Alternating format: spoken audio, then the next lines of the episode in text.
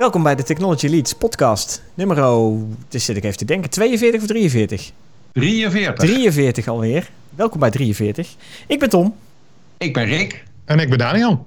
En onze gast is Eddie Visser. Essie, Eddie, kun jij je in een paar zinnen even voorstellen? Hoi, goedemiddag. Ja, mijn naam is uh, Eddie Visser, zoals gezegd. Ik ben uh, consultant uh, bij Society en specifiek op het vlak van data analytics. En wat ik eigenlijk doe, is ik geef ja, richting aan de datastrategie van een klant. En daarbij vertaal ik eigenlijk organisatievraagstukken naar doelstellingen om te komen tot een datastrategie. En uiteindelijk waar wij met onze teams onze klanten mee helpen, is het opzetten van een dataplatform uh, en een stuk groei van datavolwassenheid. Uh, en dat doe ik inmiddels uh, zeven jaar voor Society. Gaaf. Ja, data en data-driven, dat gaat het topic zijn voor vandaag. Daar gaan we straks uitgebreid nog even in gaan induiken. En data gedreven als we zijn. beginnen wij met wat, wat andere data. en dat zijn de, de tech-updates die we mee hebben gebracht. En mijn data tech-update, nou ja, is niet data gerelateerd, maar is in de vorm van ja, geluid, muziek. Ja, is ook data. Kun je ook om, omzetten naar data natuurlijk. Uh, maar ik heb een update die gaat over Lego. En Lego heeft een hele mooie playlist uitgebracht op Spotify onder andere. En die heet White Noise. En um, White Noise wordt veel gebruikt in mindfulness sessies en meditatie sessies. En nu heeft Lego een set met ja, audio met nummers uitgebracht. Duurt, uh, het zijn zeven nummers, duren 3,5 uur bij elkaar. Flink lang. Ik denk, wat, wat voor nummers gaat Lego? ja, ja, zegt dan. Ja. ja. Dat is best lang. Wat, wat voor nummers zijn dat dan? Nou, het zijn allemaal geluiden die met Lego te maken hebben. Variërend van het uh, neerstorten van een waterval aan Lego-blokjes tot het klikken van Lego-blokjes in elkaar. Wat, wat inderdaad, uh, ik heb Lego-blokjes liggen naast mij. Ik weet niet of je dat zou kunnen horen eigenlijk. Dat is wel interessant hoor. Bij de microfoon. Ja, ja, ja. Hoor je wel, hè? Ja. Oh, Weet je, ja, ja, het is live, hè, dit. Dit is gewoon... Uh, pak, ik, pak je gewoon even mee, zeg maar. Nou, Lego heeft bedacht... Dat kunnen wij in het groot aanpakken. En uh, white noise is uh, echt iets wat, ja, wat in die mindfulness wereld past. En nou, wie weet zijn Lego-fans dat ook wel. En willen die wel Lego-geluiden hebben om dat te kunnen doen. Dus ze hebben nummers gemaakt die, uh, ja, variërend. Hoe lang duren de nummers? Zo'n beetje, ja, echt wel half uur sessies, zeg maar. Met geluiden. en ik, ja, ik kan ook zeggen, ik kom ook nog wel eens in Lego-events waar hele bakken met Lego liggen. Waar, dan, eh, waar je met je handen erheen kunt graaien, weet je wel. Zo'n hele grote ik bak. Zie dat, ik zie dat ook al helemaal voor me. Dat jij dan met zo'n microfoon ernaast en dan een half uur lang in zo'n ja? bak graaien. Ja, ja, ja. ja, ja. Nou, dat, dat is dus wat Lego gedaan heeft. Hè? Dat hebben zij dus werkelijk gedaan. En sterker nog, ze zijn zelfs op zoek gegaan naar de, de ultieme geluiden. Moet je uh, de ondergrond van die bak Lego, is, moet dat papier of moet dat plastic zijn? Want dat maakt weer een ander soort geluid en zo. Dus ze hebben zelfs een soort, soort studie eraan gewijd om dit uh, het ultieme Lego geluid te laten worden als ze dan het ook echt uh, een beetje nostalgisch willen maken, dan moeten ze voor mij het geluid doen in zo'n kartonnen uh, waspoedertrommel ah. die, die je vroeger had. want daar ja. had mijn moeder alle Lego in gedaan. Kijk, kijk. Die niet nog thuis staan, Rick. Nee, nee, tegenwoordig niet meer. Die, die, die kart dat karton was echt wel een keer vergaan. Maar je had wel altijd toen het fenomeen dat alle Lego naar wasgoed rook. Lekker fris dus. Ja, voor ja, mijn tijd die uh, dingen. Ja, ja, ja, ja, Wat zei je, Daniel? Voor mijn tijd die dingen, denk ik. Ja, precies. Jij komt uit de tijd van de wasblokjes en zo. Uh, geen poeder meer. Precies. Ik heb ondertussen, want ik denk, ja, dan kan ik natuurlijk iemand onthouden, die geweldige geluidjes, hem even aangezet.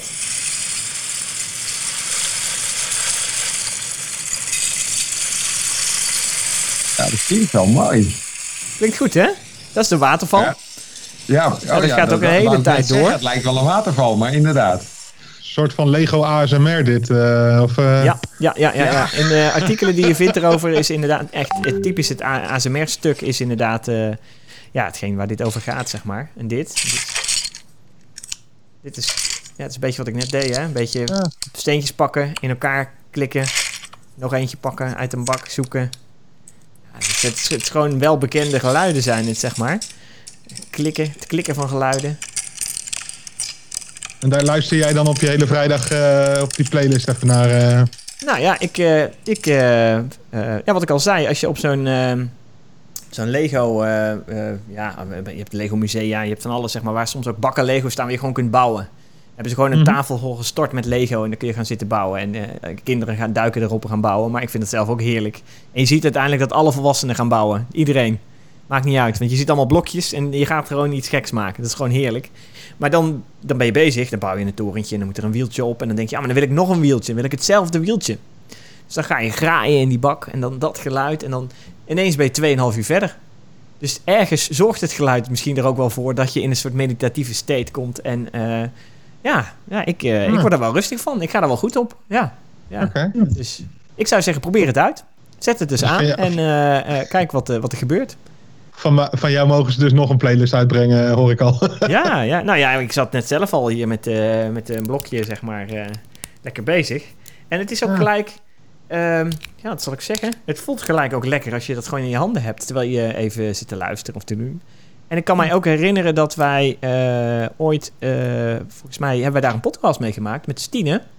Was Ja. dat Stine Balle Jensen, geloof ik? Ja, Eh, daar hebben wij eh, een podcast mee gemaakt. Die heeft toen eh, ook een eh, hele leuke sessie gegeven op eh, het Vint Symposium. Waar we allemaal een Mhm. eentje hebben gemaakt. Wat Rick nu tevoorschijn eh, haalt. Ja, dat is voor de kijkers niet eentje. te zien. Het staat hier gewoon bij mijn eh, werktafel met zes blokjes. Ja. En, toen, en, en de opdracht was maak een eend Maak met een deze eend. zes blokjes. En toen dacht ik, nou dan komt iedereen op dezelfde eend uit. En dan blijkt dat gewoon met 200 man in de zaal er 200 verschillende eenden te maken zijn van zes blokjes. Ja, want het aantal combinaties van zes blokjes zat in de 100 miljard of zo, geloof ik. eh, Ja, Het dat- waren absurde dingen. Maar zij vertelde ook dat op de Lego-kantoren, eh, op hun eh, ja, onderzoekskantoren, maar ook gewoon ja, meer de, de kantoren, kantoren, daar eh, overal op kantoren, op bureaus, in de gangen, bij de koffieautomaten, ligt Lego. Gewoon hoopjes, bergjes Lego, dingetjes die in elkaar zitten. En overal waar je staat kun je dus wat Lego oppakken. En eh, eh, eh, ja, daar, daar een beetje mee spelen. En zij gaf ook aan van ja, het is, het is heel, heel ontspannen om gewoon een paar blokjes te pakken, dat weer los te halen eh, en ergens anders weer vast te maken. En soms zelfs zonder dat je kijkt, gewoon een beetje ermee bezig te zijn. En eh, ja, het, eh, het ontspant, zeg maar. Het is, het is eh, Hm. Een beetje de, de fidget spinner van, eh, ja, van Lego. Dus eh, Het is wel grappig, Tom, dat jij dat eh, aanhaalt als, in, je, in de podcast om over Lego te beginnen. ja, Fysiek, blokjes natuurlijk, hè, waar ik en Rick ieder geval vroeger mee gespeeld hebben. hè. Mhm. Maar als je, zij hebben volgens mij in 2019 op een van onze symposiums gepresenteerd Mhm. over een digitale strategie. Dus nou, weet je wat, Oh, behalve dat ja, ze op ja. Spotify dan nu zijn, hè, klopt. ook Ja. op het verdienmodel en digitale strategie, zijn zij volledig online aanwezig. Klopt, klopt, klopt, klopt. Ja, Ja. dat, eh, ja ik zit helemaal in het Lego-ecosysteem. En op dit moment zie je dat de online communities van Lego, de, de, de kits die ze uitbrengen, hoe ze dat via social media, hoe ze dat online, hoe ze dat uitbrengen, hoe ze dat bij reviewers laten landen. eh, eh, ja, dat is, dat is waanzinnig. Dat is echt onge- ongekend hoe ze dat doen, Ja. inderdaad. Nou, En nog Ja. even los van de apps die ze hebben. Ze hebben ook alle hele leuke Lego-apps voor kinderen, maar ook eh, ze hebben een soort spokenserie waarbij je dan een spookhuis kunt bouwen. En dan met je Lego-app kun je dan met een augmented, augmented, augmented reality laag eroverheen. Ja. Kun je die spoken ook door je huis zien gaan en zo. Ja, dit, dat is Ja, dat is fantastisch. Ja, dat ziet er Ja. echt mooi uit. Dat doen ze echt heel goed. En ehm, ja, het andere wat ze ook leuk doen is de, de ja, Lego movies en Lego spellen Ja. die ze uitbrengen. Eh, en je hebt een hele leuke apps om zelf stop-motion te maken met Lego poppetjes. Waarbij zij dan eh, eigenlijk gewoon de stop-motion engine... Je maakt gewoon fotootjes met je camera. Je zet gewoon je, mobiele telefoon neer in een standaardje. Je zet die app open en dan eh, maak je een scènetje. En dan ga je langzaam je poppetje laten bewegen. En elke keer maak je een nieuwe foto, een nieuwe foto, een nieuwe foto.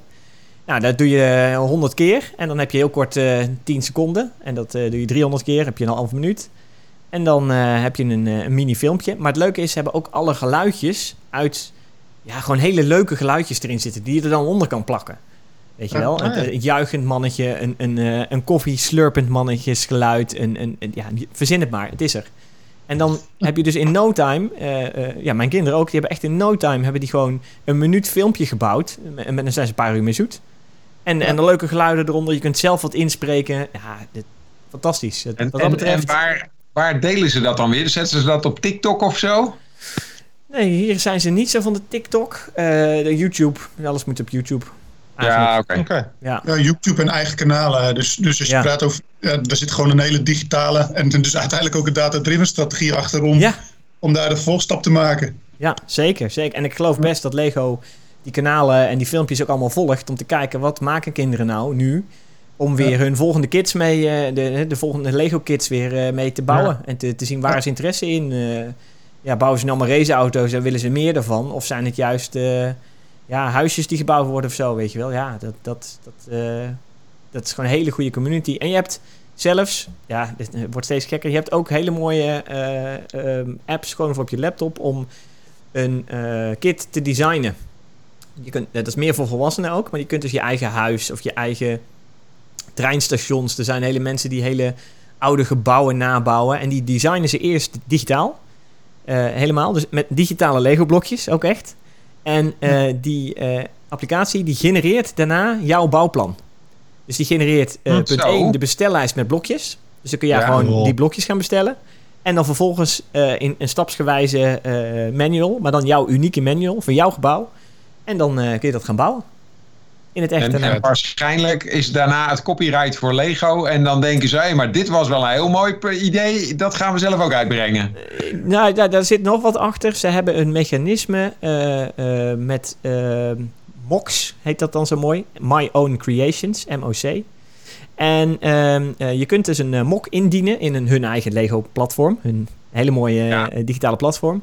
En dan dien jij hem in en dan laat je foto's ervan zien en een eh, handleiding en eh et cetera. En er moet een verhaaltje bij en noem maar op. Dus eigenlijk promoot je hem daarna zelf en je mag hem delen op social en noem maar op. Dan kunnen ze stemmen, kun je stemmen eh, krijgen voor die mok. En de eerste, je moet dan allerlei levels halen. Dus de eerste staat die, weet ik wat, zoveel dagen online op die, Lego, dat Lego-platform. Dan moet je duizend stemmen halen. Ik weet, ik weet de exacte nummers niet hoor. Als je dat gehaald hebt binnen die gestelde tijd, staat hij er nog zoveel dagen op. En dan moet je 10.000 stemmen halen. Als je dat weer gehaald hebt, dan staat hij er weer zo lang op. En dan moet je vijf- 40.000 stemmen halen of zoiets. En als dat gebeurt, dan gaan zij hem in productie nemen. Dus er zijn een En- soort en- levels die je En moet dat halen. is de manier hoe bijvoorbeeld eh, de Yellow Submarine eh, er is gekomen en precies, zo. precies. Ja. Ja, Ja, ja. ja, fanmade eh, eh, dingen die eh, langzaam maar zeker eh, ja, een, eh, een echte kit worden. Want ja, dat is natuurlijk heel slim van Lego. Want als jij een, eh, een community laat stemmen en er zijn meer dan 40.000 mensen die zeggen: Oh, wat een gave kit, die wil ik wel. Want dat is feitelijk wat ze zeggen. Nou, ze zullen niet Ja. alle 40.000 zullen ze gaan bestellen. Maar die 40.000 zijn natuurlijk representatief voor de hele, ja, de hele wereld Ja, uiteindelijk. dat- maar in ieder geval kun je die data, hè, dat, daar kan Eddie ons vast meer over vertellen. Die data extrapoleren naar een, een complete Lego gebruikersgroep. En die is, dat zal, zullen miljoenen mensen zijn. Dus Ja, als zij... ja. Ja, dus ja, ik- je, kan gewoon je gebruikers volgen, natuurlijk, wat Ja. je gebruikers doen. Hè, dus dat zal Lego bijhouden. ja, Eh, ik denk dat ze, ja, gedrag kan je gaan voorspellen. exact. Dus ja, je, je bedenkt het maar. Dat, dat zijn ze allemaal aan het vastleggen. Ja, ja. En dan met zo'n stemmechanisme erin. En, en de, dat complete beeld van die Lego-gebruikers. Daarmee voorspellen ze waarschijnlijk van... nou, eh, als er dan 40.000 stemmen zijn op een gebouw... of op een auto of wat het ook is, zeg maar... een Yellow Submarine of een eh, schilderij... eh, ja, dan loont het waarschijnlijk om die kit in productie te nemen en eh, te gaan verkopen. Want dan zijn er waarschijnlijk genoeg mensen die dat gaan, gaan kopen ook echt. En, Ja. eh, en je merkt vervolgens dat het, het uitbrengmechanisme van Lego-dozen is eerst via hun eigen Lego-site, die overal in elke landen hun eigen presence hebben. Dan gaat het daarna naar de retailers. En niet alles gaat naar retailers. Dus er zijn Lego-kits die alleen maar via Lego te bestellen zijn. En dat doen ze, eh, creëer schaarste. Hè? Dat is gewoon heel slim. Ja. En, als, en, en Ja, zeker die plus- eerste runs zijn maar beperkt. Dus dan bestelt iedereen die, die dozen. En dan zijn ze op. Ja, dan weet je zeker dat nog meer mensen het willen hebben, zeg maar. Nou ja, Nou, en van sommigen kondigen ze ook aan dat ze hem niet meer daarna Ja. gaan produceren. Dus die, Ja. die zijn daarna eh, eh, op en dan zijn het collectors items. Mhm. Ja, zeker. Ja, nee, ja, klopt. En zie maar eens te voorspellen welke eh, super eh, populair zijn die uit de handel genomen gaan worden. Het is bijna een soort beleggen, hè, wat je dan gaat doen. eh. Nou ja, kijk, ik, ik wil altijd nog eens een keer de Saturnus 5 raket bouwen van Lego. Ja, die Nou, is er heb weer dus volgens mij. Die heb ik een jaar geleden gekocht. Ja. Maar die staat nog gewoon in de doos op de kast. Jongen. Want ik heb er nou geen tijd voor. Maar, eh, eh, wat, wat, maar, maar ik dacht wel van ja, als ik hem nu moet niet hem koop, hebben. dan moet ik hem over tien jaar moet ik hem als collectors item tien keer zo duur kopen. Ja, ja, ja, ja, ja, ja. ja, slim. Ja, ja. Maar je moet hem gewoon gaan bouwen, Rick. Ga het gewoon doen. Het nou is ja, heerlijk. Of ik hoor net van jou dat het een hele goede belegging is. Eh, misschien eh, dat ik hem over tien jaar gewoon weer als eh, mint eh, status weer verkoop.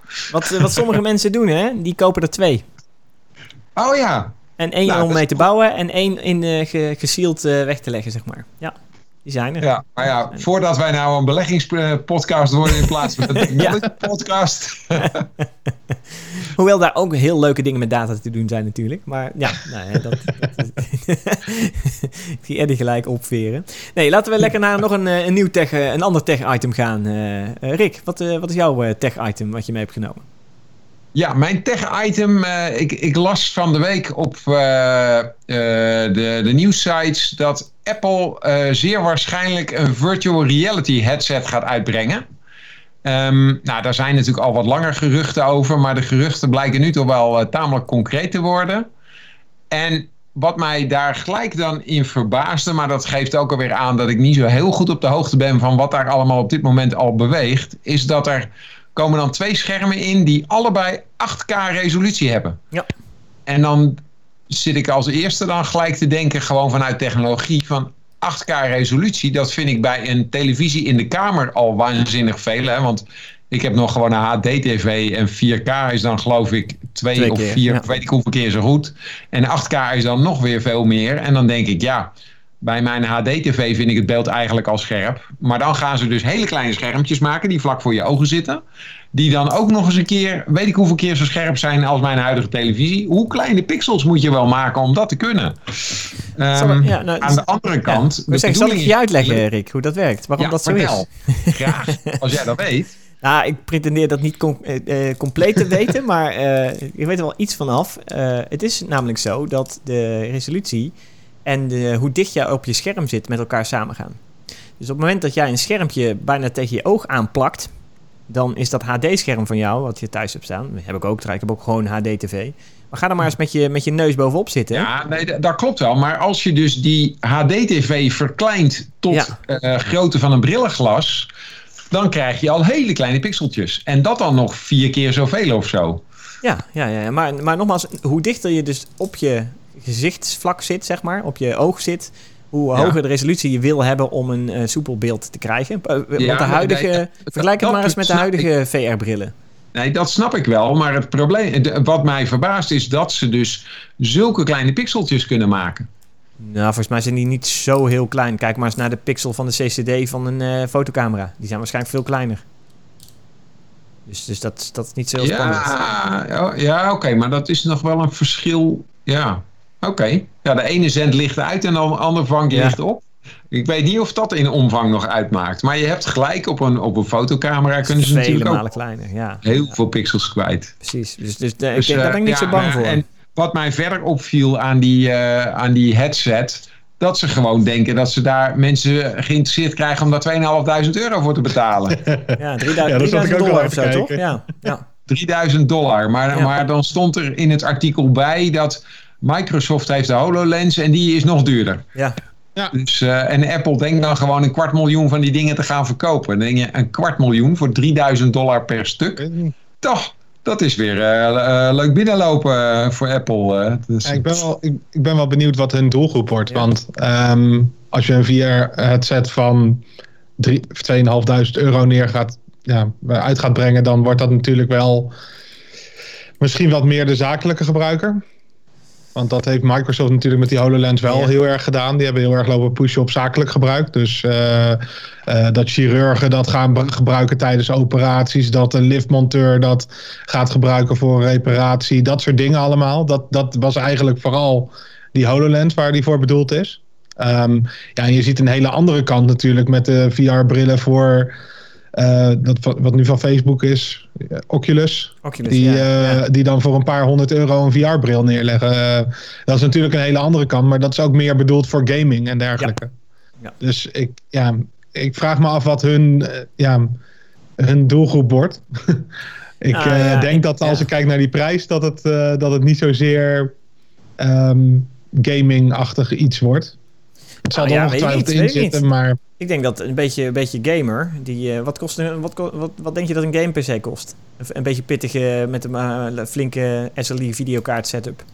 Wat ben je Nou ja, ik, ik liep laatst bij de Mediamarkt en daar zag ik wel ook prijskaartjes met eh, de, drie nullen en echt verschillende getallen ervoor. eh. Ja, ja, ja, exact. Kijk, een gaming PC kun je, ja, je kunt met 1000 euro kun je ook prima uit, de- minder nog kun je uit de voeten natuurlijk.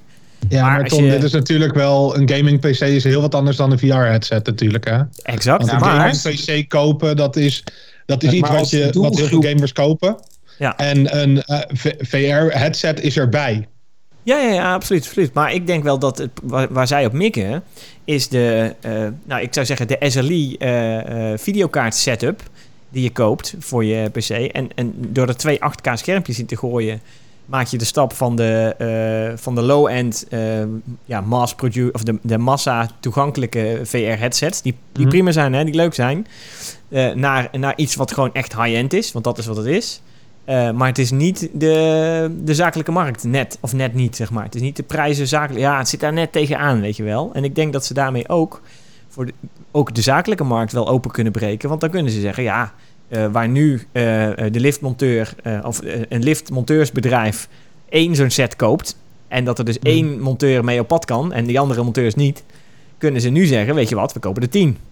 Dus ik denk dat het een beetje dat ze daar in die hoek gaan zitten, zeg maar. Dus aan de ene kant Ja. high-end gaming, high-end VR gaming, noem het zo even. Ja, en, en- maar ik zit me nog wat anders af te vragen. Want jullie hebben dat mooie voorbeeld van zo'n liftmonteur. Maar ik vraag me af of de liftmonteur nou met een VR-bril gaat lopen of met een AR-bril. Ja, AR, Want sorry. Ja, VR ja, ja. is natuurlijk, dan, heb je, dan kun je gewoon niks meer zien. En dan op die bril komen dan wel weer cameraatjes waarmee je dan eventueel de omgeving weer kan projecteren.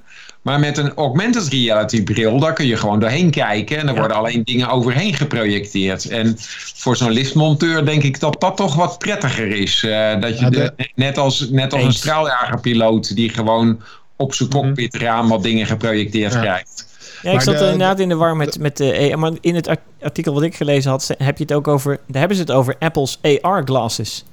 Dus ik Nou, ben een in beetje dit in verwarring artikel nu. staat namelijk de virtual reality bril komt in 2022 en de augmented reality bril die wordt goedkoper, maar die komt pas in 2023. Oh, oké. Oké. dat- Ja, nee, nu zie ik het ook. Ja, ja, Dus eh, ja, dat wordt. eh, nog even En wachten. nou ja, het wordt in ieder geval nog spannend. Want ik zat al een tijdje te denken: wat wordt nou het volgende waarmee Apple gaat proberen heel veel geld te verdienen? Maar dat worden dan toch dit soort brillen blijkbaar. Dus ik ben heel benieuwd. En ik zie zowel Eddie als ik zijn brildragers. Dus wij kijken er helemaal naar uit. Hè? Dat je gewoon, eh, dan heb je geen beeldscherm en zo meer nodig. Het wordt allemaal gewoon op je bril geprojecteerd. Heerlijk. Ik vraag me af of wij er nog ooit in meegaan. in die verandering. Nou ja, ik, ik heb inmiddels geleerd dat dit soort veranderingen gaan zo snel. Dat ik denk dat ik dat voor mijn pensioen zeker nog wel ga meemaken. Ja, nee, meemaken zeker. Ja. Ja, en, eh, en als ze blijven sleutelen aan de pensioendatum, dan gaan we de volgende innovatie ook nog wel meemaken. Heerlijk, heerlijk. Ja, mooi. Ja, mooi. Ik, ben, ik ben ook benieuwd wat ze, wat ze gaan doen qua... ehm, ja, hoeveel ze ermee gaan verdienen. En of dit het next, next big thing gaat zijn. Ja, we gaan het zien. Eh, ik zag ook een mooi plaatje bij het artikel wat ik gelezen had erover. eh, in dat eh, in 1968 een van de eerste augmented reality headsets gemaakt werd. De, het zwaard van Damocles heette dat. Head-mounted display. Nou, dat, dat is een zwaar eh, de, gegoten metalen ding dat, dat je niet op je hoofd wil hebben hoor, geloof ik. Maar eh, ja, ik denk dat die van Apple een stukje, stukje soepeler zal zijn eh, op dat vlak. Ja. Oké. Daniel dan, wat eh, is jouw tech-item? Yes, eh, mijn tech-item gaat over Microsoft. Ja, what else? nee, ehm, eh, Microsoft die heeft gisteren eh, Viva gelanceerd. En dat FIFA is of een- Viva? Viva. Dus, Viva. Ja. En dat is een, ehm, ja, een, een, hun eigenlijk een suite met nieuwe producten. Of ja, nieuwe producten. Het zijn eigenlijk een beetje gerebrande producten. eh, die ze samenbrengen eh, voor remote work. Ehm, en zij zijn, ja, we hadden het daar vorige, eh, een van de vorige podcasts hadden we het daar volgens mij ook over dat op remote work. We hebben natuurlijk nu die hele COVID-situatie en we zien dat heel veel mensen thuiswerken. Maar tot nog toe zijn er nog niet hele erge grote nieuwe veranderingen geweest in de manier waarop ja, de tools die we gebruiken binnen thuiswerken. Het is gewoon nog steeds ja, wat we eigenlijk al hadden, maar dan veel meer, veel meer gebruikt eigenlijk. Want ja, we konden al een Teams meeting, konden we, konden we al voor COVID, konden we dat ook aanmaken. Dat is niet da- dusdanig anders. Nou, Microsoft die heeft nu dus een, eh, een nieuwe groep aan producten eigenlijk uitgebracht. Eh, en sommige delen daarvan die zijn gewoon rebranding van andere producten die ze al hadden. Maar het nieuwe eraan is eigenlijk dat ze het allemaal samenbrengen in teams. En ehm, ja, waar ze eigenlijk mee bezig zijn is vooral met de employee experience. Dus zij willen dat het voor een medewerker vanuit teams gewoon gemakkelijker gemaakt wordt. Uh, met een aantal modules die ze dan hebben. Nou, de eerste is Connections. Dat gaat echt over het, ja, het intranet eigenlijk. Dus uh, uh, ja, er zijn heel veel bedrijven die hebben natuurlijk grote intranetten met informatie die ze daar kunnen vinden. Waar nieuws gepubliceerd wordt en dat soort dingen. Nou, het nieuwe wat Microsoft daar dan nu aan toevoegt is ook dat ze die Instagram stories-achtige dingen eraan toe gaan voegen. Dus dat ze ook gaan zorgen dat, dat mensen wat meer sociale media-achtige mogelijkheden hebben. Nou, die stories die worden tegenwoordig overal aan toegevoegd, dus ook bij Microsoft. maar daar krijg je dus uh, een Connections app voor, waar je dus dan uh, ja, informatie kan vinden, waar je uh, bijvoorbeeld bedrijfspolicies kan vinden. Dat soort dingen allemaal zitten erbij. Daarnaast hebben ze een andere module uh, en dat gaat over insights. En dat is denk ik voor Eddie ja. ook wel heel erg interessant. Uh, want dat uh, gaat voornamelijk over hoe mensen werken. En um, ja, ik weet niet of jullie ooit My Analytics hebben gezien bijvoorbeeld. Maar dat is een tool waarbij je echt kan zien hoe jij um, ja, jouw werkdagen indeelt. Hoe jij over een maand gezien bijvoorbeeld met meetings omgaat. Um, nou, um, of jij uh, buiten werktijd om nog heel veel aan het werk bent stiekem. Dus dat je heel veel mailtjes aan het versturen bent. Of um, chatberichtjes naar collega's aan het sturen bent. Dat soort dingen. Dus uh, die insights zijn eigenlijk heel erg bedoeld voor um, ja, well-being van mensen. Dus ook uh, om echt te zorgen dat mensen minder snel bijvoorbeeld overwerkt raken en dat soort dingen. En het interessante van dit product is ook dat er een, een laag omheen zit. Uh, en die is dan wel geanonimiseerd. Maar dat is dan voor de managers. Zodat zij eerder kunnen um, herkennen dat hun team gewoon heel erg overvol zit, bijvoorbeeld. En dat okay. ze dan gewoon kunnen zien dat, uh, ja, dat alle mensen in, in dat team chronisch overwerkt zijn, zeg maar. dan, uh, ja, dan moet je daar iets aan gaan doen, natuurlijk, als manager zijnde. Dus uh, ja, dat soort dingen komen er allemaal bij dan. Ja, maar hier zie ik dan wel weer gelijk een fantastische link naar Eddie's vakgebied. Want ja. dat, dit wordt wel heel erg data-heavy. Ja, zeker. Nou, niet alleen dat stuk, maar ik denk op alle assen. Weet je, alles wat jullie zeggen, daar zit data in. Linksom ja. of rechtsom. Uh, dus ja, ook hierin. En je ziet allerlei point-oplossingen bij klanten waar ze analytics mee gaan doen of rapportages mee gaan doen. Ik denk Power Apps uh, is bij jou ook een voorbeeld. Uh, Daniel, wat natuurlijk heel datagedreven is, maar ook Power BI, waar je rapportage mee, mee bouwt. Uh, maar waar de kunst in zit is om, ja, behalve die puntoplossingen, dat je het ook organisatiebreed kan gaan managen. Want ik denk daar zit dan uh, ook wel ja, de uitdagingen voor onze klanten om dat te gaan doen. En als je dan over uh, annonceringen hebt of, of nieuwtjes. Microsoft heeft bijvoorbeeld eind vorig jaar ook Purview geannonceerd. En dat is uiteindelijk ook om gecentraliseerd, gecentraliseerd gegevensbeheer te kunnen gaan doen over data die op een cloud-platforms zijn opgeslagen. Dus breder dan alleen een analytics stuk zoals jij dat aangeeft. Ja. Maar ook over die as, over die enterprise as, zie je dat Microsoft ook stappen maakt. Ja, het is wel echt interessant, want vooral ook de, de integratiekant vind ik heel interessant. Ja. Want ze integreren ook heel veel andere producten. Dus bijvoorbeeld bij dat Insights verhaal halen ze ook data uit Slack en Zoom en ja. weet ik veel wat voor andere tools er ook bij zitten. Dus Workday, SAP, uh, SuccessFactors is ook weer zo'n tool erbij voor, voor HR en dergelijke. Nou ja, daar halen ze ook allemaal gegevens uit.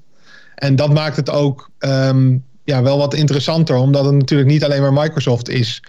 en uh, ja, ja, er zit veel meer op dan alleen... Ik vraag me dan gelijk af hoe ze dat doen. Als je er ook Slack en zo allemaal bij gaat halen. Dat, ja, hoe haal je daar dan weer data uit? Gewoon via uh, API's? Connectors. Ja, ja connectors. API's uitlezen. Ja, ja, okay. ja, connectors of het integreren van data kan ook op allerlei manieren. En waar dan de kunst in gaat zitten is om het wel eenduidig te gaan vertalen. Dus dat het begrijpelijk gaat worden. Dus dat je die data bij elkaar gaat brengen en tot een uh, eenduidig inzicht uh, gaat krijgen. Ja. ja, en dat is dan dat dashboard wat nu uh, uitgebracht is door... Uh, ja, ja, ja onder andere, maar dat is niet volledig. Hè? Want uh, wat, ja. wat Ellie net aangeeft, dat Purview is bijvoorbeeld... Dat gaat veel breder dan, dan wat ik nu noem met het Viva-verhaal, zeg maar. Ja. Um, ja, Viva heeft wel iets meer dan alleen dat insights gedeelte. Want die hebben natuurlijk dat connections gedeelte. En daarnaast hebben ze ook een gedeelte voor learning. Uh, dat gaat dan meer over Pluralsight en um, mm. uh, allemaal andere learning providers. dus dat je ja. dat ook kan doen. Ja, ja, precies. En daarnaast hebben ze ook nog topics. En dat vind ik wel een hele interessante qua data ook. Um, want dat gaat over een soort van uh, enterprise knowledge base. Dus dan kan je bijvoorbeeld um, binnen je bedrijf kan je dan bepaalde afkortingen en dergelijke die je gebruikt voor bepaalde projecten en dergelijke. Die kan je dan ook meteen uh, registreren en daarbij aangeven wie daar bij dat project meedraaien, wie de, uh, wat voor vragen erover gesteld kunnen worden, dat soort dingen allemaal. En dat wordt dan allemaal in zo'n topic ge, uh, geïntegreerd. En als je dan bijvoorbeeld een keer een mailtje stuurt of je, je krijgt een, een nieuwsbericht over een bepaald onderwerp en daar staat dan zo'n afkorting in, dan kan je er gewoon overheen hoveren en dan zie je meteen een soort van knowledge kaart met een soort van Wikipedia-achtige um, ja, informatie. En die is over... auto-generated? Nee, dat is wel ah. iets wat. Uh, ah. Ja, je kan het wel gedeeltelijk auto-generated maken. Maar je wil natuurlijk wel, ja, dat, dat is ook een terechte vraag trouwens hoor, dat auto-generated. Want ik denk dat je in heel veel situaties dat ook niet auto-generated wil hebben. Want je wil, ook, eh, je wil ook een eigenaar hebben die die data bij gaat houden en dat soort dingen. Niet dat het één grote romslomp aan, uh, aan troep wordt. Maar ik denk dat Eddie daar ja, zo door. ook ongetwijfeld een heel goede mening over heeft. dus laten we vooral dit even eindigen.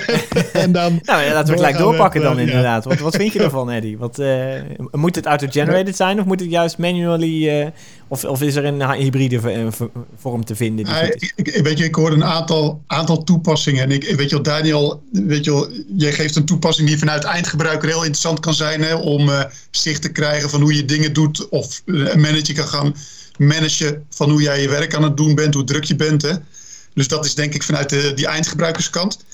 Uh, en ergens moet die data geladen worden. En dat, is ook wat jij, eh, Tom, zegt. Van, stel voor dus dat je altijd dezelfde bronnen aan het laden bent. Ja, dat wil je uiteindelijk zoveel mogelijk geautomatiseerd doen. Dus daar heb je ook de technische tools ook om dat te kunnen gaan doen. Uh, dus dat kan je ook allemaal automatiseren. Uh, en dan het vraagstuk van joh, de data die je in je systemen gaat krijgen, nou, die wil je, je wil dat die goed is. Ja. Dus hoe ga jij beoordelen dat die medewerker uh, of een rapportage die tot stand komt, dat die goed is? Dus dat is die datakwaliteit. En die moet vastgesteld worden. En, en daar heb je een data-eigenaar voor nodig. Dus Daniel geeft het daar ook al. dus, dus die organisatie van data en eigenaarschap moet je wel inregelen. Ja. En en wij zijn echt waanzinnig goed om, om technische oplossingen te bouwen voor onze klanten. Hè. Op, op dat, nou, bijvoorbeeld op Microsoft-platform met alle tools die er zijn.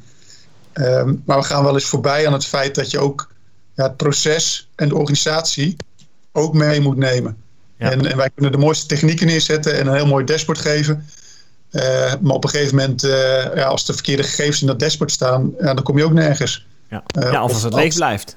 Als het leeg blijft. Ja, ja, als niemand het, gaat, het proces gaat volgen, dan uh, houdt het ook op natuurlijk. Ja. Inderdaad. Ah, weet je, en, en dat zijn de zaken, denk ik, ja, die je richting geeft in ja, datagedreven werken. En, en, en, dat zijn vraagstukken waar ik mee bezig ben met, met, met mijn collega's en onze collega's.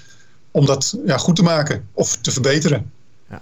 Maar, maar kan, dan, als ik jou zo hoor, dan kan ik mij voorstellen dat dus eigenlijk de grootste uitdaging erin zit om de betrokken mensen in de organisatie ervan te doordringen wat ze qua werkprocessen moeten inregelen om, uh, ja, uh, om, om er nuttig gebruik van te maken. Hè? Want het, het verzinnen van dit dashboardje wil ik hebben is een stuk makkelijker dan het verzinnen van hoe zorg ik dat ik betrouwbare data heb.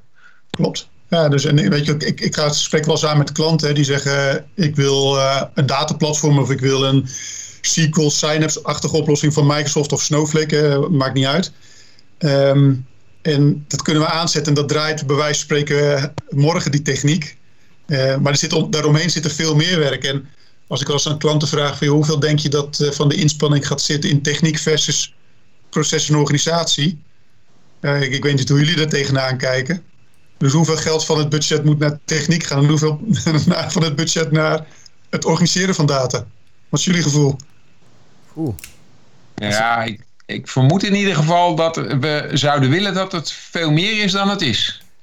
Ja, dus, dus normaal gesproken denken wij van joh, 80% gaan we lekker aan techniek besteden. Dus ja, precies, heel veel van die projecten die ik binnenkrijg, die wordt het vanuit IT wordt dat, uh, gedreven. Maar eigenlijk zou die verhouding, uh, ja, ik zou niet willen zeggen dat ik hem helemaal wil omdraaien, mhm. maar er moet veel meer tijd en aandacht besteed worden aan organisatie en proces. Weet je, om van organisatie, businessdoelstellingen te komen naar een, ja, architectuur, enterprise architectuurprincipes, maar ook naar, de, naar dataprincipes. En dat wordt wel eens vergeten bij klanten. En daar moeten ja, businessmensen aandacht aan gaan besteden. Niet IT-mensen, maar businessmensen. Ja. En, en, daar zit denk ik de uitdaging om dat, uh, ja, die ja, gedragenheid, om dat voor elkaar te krijgen. Ja, dat is wel interessant. Want ik zat inderdaad een beetje voortbordurend op waar Daniel mee kwam met het platform en uh, insights. Want ik zag inderdaad recentelijk dat wij uh, nu ineens het knopje insights in onze mail en in onze uh, Teams-omgeving en et cetera hadden. de oh, link naar die proces. Ja, heb je die niet, oh. Rick? Er zit een heel mooi knopje in. Moet je maar eens op klikken. Niet goed genoeg op al, alle nieuwe knopjes die er steeds weer bij komen. Ja, maar. dat, dit is nu precies mijn punt ik had dat gezien. Ik zag dat knopje de eerste paar keer. Dacht ik, ja, ja, Insights, Insights zal zijn. Ja, ja, ja, wat weet ik. Want Daniel heeft me daar al een keer op gewezen. En die heeft er een keer iets over verteld. Dus ik wist, in, ergens in mijn achterhoofd wist ik er wat vanaf. En op een gegeven moment dan klik je op het knopje. En dan kom je in de wondere wereld van de dashboards en de, in, en de inzichten. De insights die je krijgt in je uh, werkgedrag. En je, uh, hij doet er allerlei leuke suggesties van... oh, zal ik in je agenda een lunchpauze zetten standaard? Want uh, dan zorg je er in ieder geval... zorg je beter voor jezelf dat je dat afblokt. Oh, ik zie al dat je op drie dagen heb je het zelf al gedaan. Zal ik die andere dagen ook voor je doen? Nou, hartstikke mooi, hartstikke goed.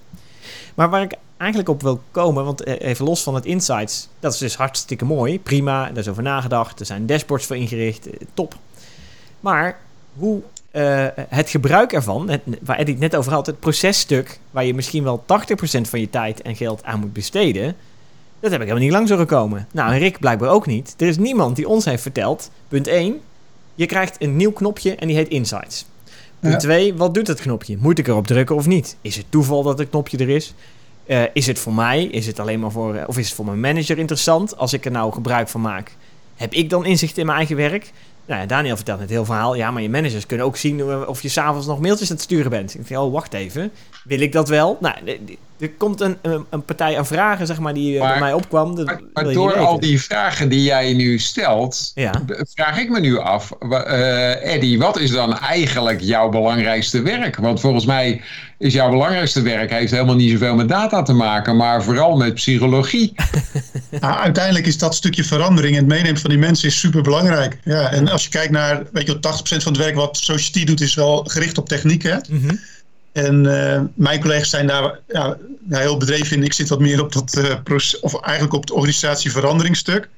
Maar dat is wel waar het om gaat. En ik, ik sprak toevallig van de week een klant en dat is, dat is een waterleidingbedrijf. En die proberen bewustwording voor datagedreven werken uh, op orde te krijgen. En, en, dat begint bij de directie en management. Hè.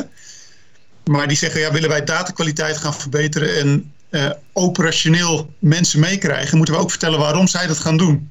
Dus, en, en dat is een beetje wat Tom ook zegt van, uh, ja, ik krijg een knopje erbij. En ik wil niet zeggen dat Tom heb ik per se in de operatie zitten, maar waarom moet ik dat gaan gebruiken? En hoe rolt dat op naar de organisatiedoelstellingen? Juist. Ja. En stel nou voor dus dat je dat, uh, die knop van ons, ik heb hem nog niet gezien, maar uitlegt wat die knop is. En dat ik denk van hé, hey, dit is mijn voordeel. Dus ik ga ermee werken, want ik heb er ook voordeel bij. En er zit een voordeel bij voor de organisatie. Dus ik ga bijdragen aan de organisatiedoelstellingen. En dat zou het effect kunnen hebben dat, nou even dan even terug naar data, dat de datakwaliteit gaat verbeteren. Mhm. Want ik vul mijn systemen compleet in. Uh, en uh, daardoor is de organisatie efficiënter, uh, beter rendement of betere klantenservice. En dat is wat er dan gaat gebeuren.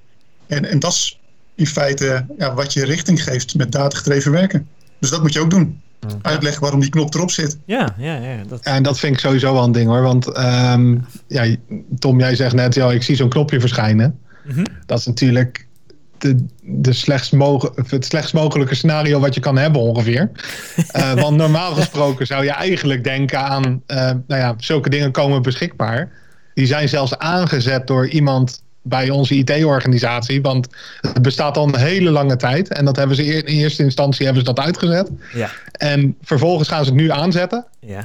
Maar dan hebben ze dus de periode gehad ervoor om te gaan communiceren naar eindgebruikers van hey, dit komt eraan en dit is wat de waarde voor jou is. Ja. Ja, ja wat ja, net verteld, zeg maar. Ja. Is het in dit soort gevallen niet veel handiger, Daniel, om het juist wel zo te doen dat je het gewoon aanzet en dan heb je wat early adopters en die gaan er wat mee doen?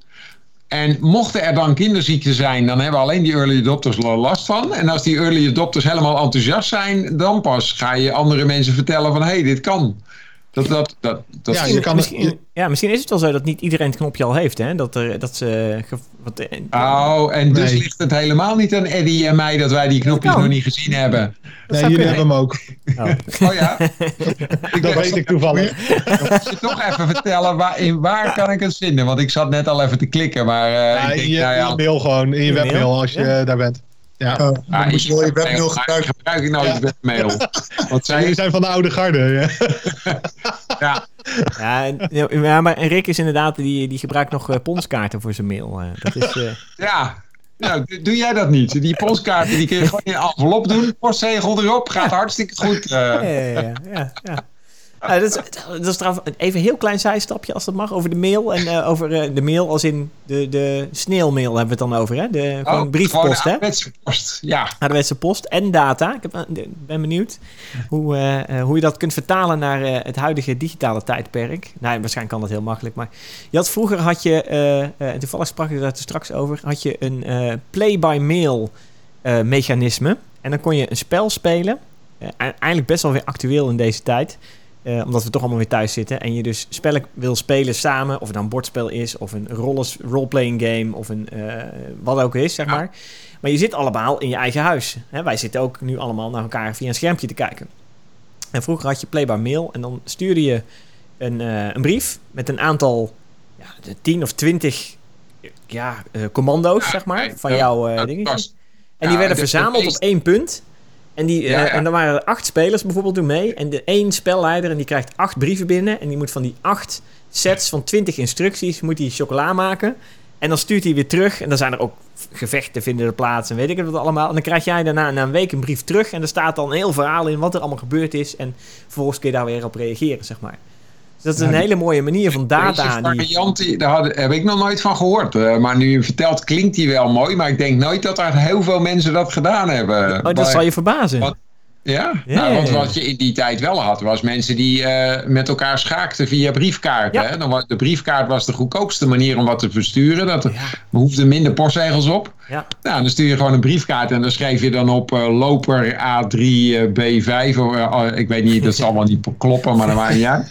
En dan stuur je een briefkaart en dan twee ja. dagen later kreeg je weer een briefkaart terug. Nou, dan was je een half jaar bezig met een potje schaak. Ja. Ja, ja. ja, dat is hetzelfde principe, alleen dan wat uitgebreider. Met meer zetten, meer spelers tegelijk en, en een spelleider die daar een wat is, En wat is nou de link naar data? Nou, het is dus ook data die heen Eigenlijk doe je een soort voorgeschreven set instructies aan data opzetten... waarvan jij denkt dat die gaat gebeuren. Die stuur je op. En dan wordt dat magisch verwerkt, zeg maar. In combinatie met nog andere acht sets van data. En dat leidt dan weer tot een bepaald resultaat... waarna jij weer een reactie gaat geven et cetera, et cetera. En ja, ik zat me te bedenken, hoe vertaalt zich dat naar een mechanisme in deze tijd? Nou ja, ik zit nu te denken, wat, wat ze kunnen bij de post is dat je, uh, je kan tegenwoordig gewoon uh, met uh, schriftherkenning, dus OCR, ja. Ja. kun je gewoon alles lezen wat er op die kaart staat. En die briefkaarten, die zaten niet in een envelop. Dus daar had je ook die zetten van die schaakborden kunnen uh, lezen. Ja. En dan zou je daar fantastisch uh, data mining kunnen doen om te ah. kijken van hoe slim wordt er nou schaak gespeeld. Ja. Mooi algoritme van Google en dan uh, kan die steeds beter worden in schaken. bijvoorbeeld. Ja, ja, je, kan, ja want je hebt allerlei mechanismen natuurlijk om teksten te doorzoeken of daar inzichten uit te halen. Dus daar heb je allerlei machine learning-achtige toepassingen tegenwoordig ja. voor om daar ja, dingen mee te doen. Maar, uh, maar, wordt dat bij, bij klanten van ons ook al werkelijk gebruikt? Want ik weet dat dat soort technieken bestaan, maar... maar... Er, wordt, ja, er, er worden uh, text search toepassingen gebruikt uh, om tot inzichten te komen. Weet je, dus dat je ook op bepaalde zoektermen zaken naar voren kan halen die in de systemen zijn gezet die je normaal gesproken niet kan, niet kan vinden. Dus, dus, dat is er zeker. Er wordt, ja, weet je, je kan webdata scrapen naar binnen halen. En die kan je ook doorzoekbaar maken. En dat vertalen naar inzichten of naar ja, beslissingen die je gaat nemen. Dus, dus ik heb wel eens, ik heb wel eens bij klanten hebben we wel eens oplossingen gebouwd met zowel met Watson-technologie, maar ook met open source technologie. Om op basis van webdata um, ja, te kijken wat er gebeurt op het gebied van bepaalde ziektes Zodat daar een, uh, uh, ja, een, een, onderzoeksorganisatie ook kon beslissen, hier moeten wij onze tijd gaan besteden om onderzoek te gaan doen naar vaccins bijvoorbeeld. Mm Weet je, en die gebruikten daar zoektechnologie voor. Die gingen gewoon het web afscrepen en kijken van joh, wat gebeurt er over de wereld. Wow. maar weet je, je zou ook webdata kunnen screpen van wat op Twitter gebeurt en LinkedIn. En kijken of je dat tot bepaalde leads kan converteren. Want iedereen maakt foto's van dingen die ze leuk vinden. Dus ik heb ook wel eens, weet je wel, bij Pond Caterpillar was dat. En mensen die in die industrie werken, die maken foto's van hun graafmachines, bij wijze van spreken. en uh, uh, weet je, nou, dat zou je ook kunnen omzetten van, joh, die, die organisatie of die gast moeten we een keertje bellen om een nieuwe graafmachine aan te bevelen. weet je wel? En, en, dat soort dingen, dat soort oplossingen worden gebouwd. Weet je dus gewoon om uh, ja, dat soort use cases kan je gewoon met techniek ja, kan je toepassen. Ja, dat, is ja, oké. En, en normaal zou het veel te veel moeite kosten om erachter te komen dat dat bedrijf een nieuwe graafmachine nodig heeft. En nu laat je gewoon die algoritmes gewoon lekker zoeken in, in de, gigantische bult data. En dan af en toe vindt hij een foto en dan denkt hij, nou, dit is wel een hele oude. Ja, je geeft gewoon een luie sales, geef je in feite een lead van, hé, ja. moet je bellen. Want op basis van deze data denken wij dat daar uh, een kans is om een nieuwe machine te verkopen. Ja. Zo. En, is wel een hele mooie. Zijn En ook, weet je wel, als we praten hebben over, over nou, weet je wel, eh, fotoherkenning, je noemt net OCR. Um, je kan ook op basis van foto al tekstherkenning doen. Hè? Dus uh, op die foto, op al die, die, uh, uh, die de post die binnenkomt, kan je gewoon ook ja, fotoherkenning doen van, of ja, tekstherkenning doen. Weet je, aanvullen. En dat kan je ook nou, op elke industrie, uh, ik denk in high-tech, mhm. digital manufacturing, Tom, wordt dat volgens mij veel toegepast. Ja, ja, ja, ja, ja. ja. zeker. Zeker beeldherkenning en zo. Daar, uh, ja, in de medische industrie is ook zo'n mooi voorbeeld waar, uh, ja. uh, waar we dat doen. Ja. Ja. ja. dus dat is dus in OT, IT, ja, alles is data. Ja, ja, ja, ja. Alles is data. Kijk, heel goed. ik ben wel benieuwd, Eddie. Um, hoeveel, ja, je zei dat natuurlijk van, joh, we, hebben heel vaak dat IT bijvoorbeeld, um, dat we daarmee zitten en dat we ook steeds meer met business te maken krijgen eigenlijk. Maar hoeveel van jouw tijd ben je nou eigenlijk kwijt aan beide kanten, zeg maar? Want ik kan me voorstellen dat het steeds meer ook richting de business schuift voor jou. Ja, als we de, veel van de vragen komen wel binnen vanuit IT bij ons. Maar mhm. bijvoorbeeld als wij de, onze adviestrajecten waar we een assessment doen over de, de architectuur en data-architectuur mm trekken wij ook business erbij. En dan denk ik dat de verhouding al nou, toch wel 60-40 wordt. Dat we 40% van uh, business of directie aan mogen spreken. Ja. Dus gewoon domeineigenaren.